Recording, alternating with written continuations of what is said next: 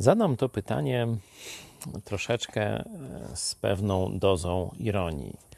Kto jest winien e, tego, że polska energetyka rozłożona jest na łopatki?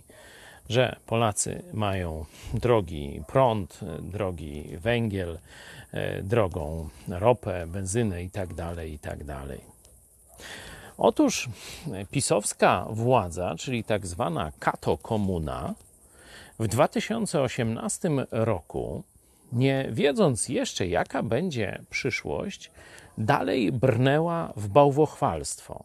I w ramach pielgrzymki na jasną, ja raczej nazywam ciemną e, górę, zawierzyła Polskę, polską energetykę, szczególnie minister Tchórzewski, wtedy pisowski minister od spraw energetyki, oficjalnie zawierzył rozwój, unowocześnienie, przyszłe projekty i tak dalej polskiej energetyki Matce Bożej Królowej Polski.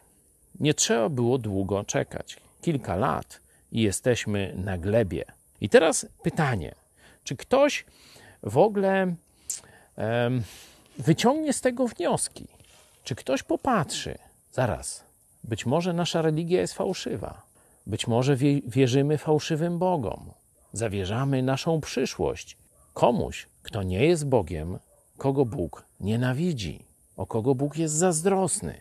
Absolutnie nie ma w kołach katokomuny, w kołach pisowskich takiej refleksji. Zawierzyli Polskę Matce Boskiej w XVII wieku i zaraz potem Polski nie było. Teraz zawierzyli polską energetykę Matce Boskiej, rzekomo Królowej Polski. I co? I nie ma węgla, mamy po kilkaset procent więcej płacić za rachunki, mamy drogie paliwo. Czy ktoś wreszcie w Polsce zacznie myśleć? Może jednak trzeba się zwrócić do Jezusa, do prawdziwego Boga,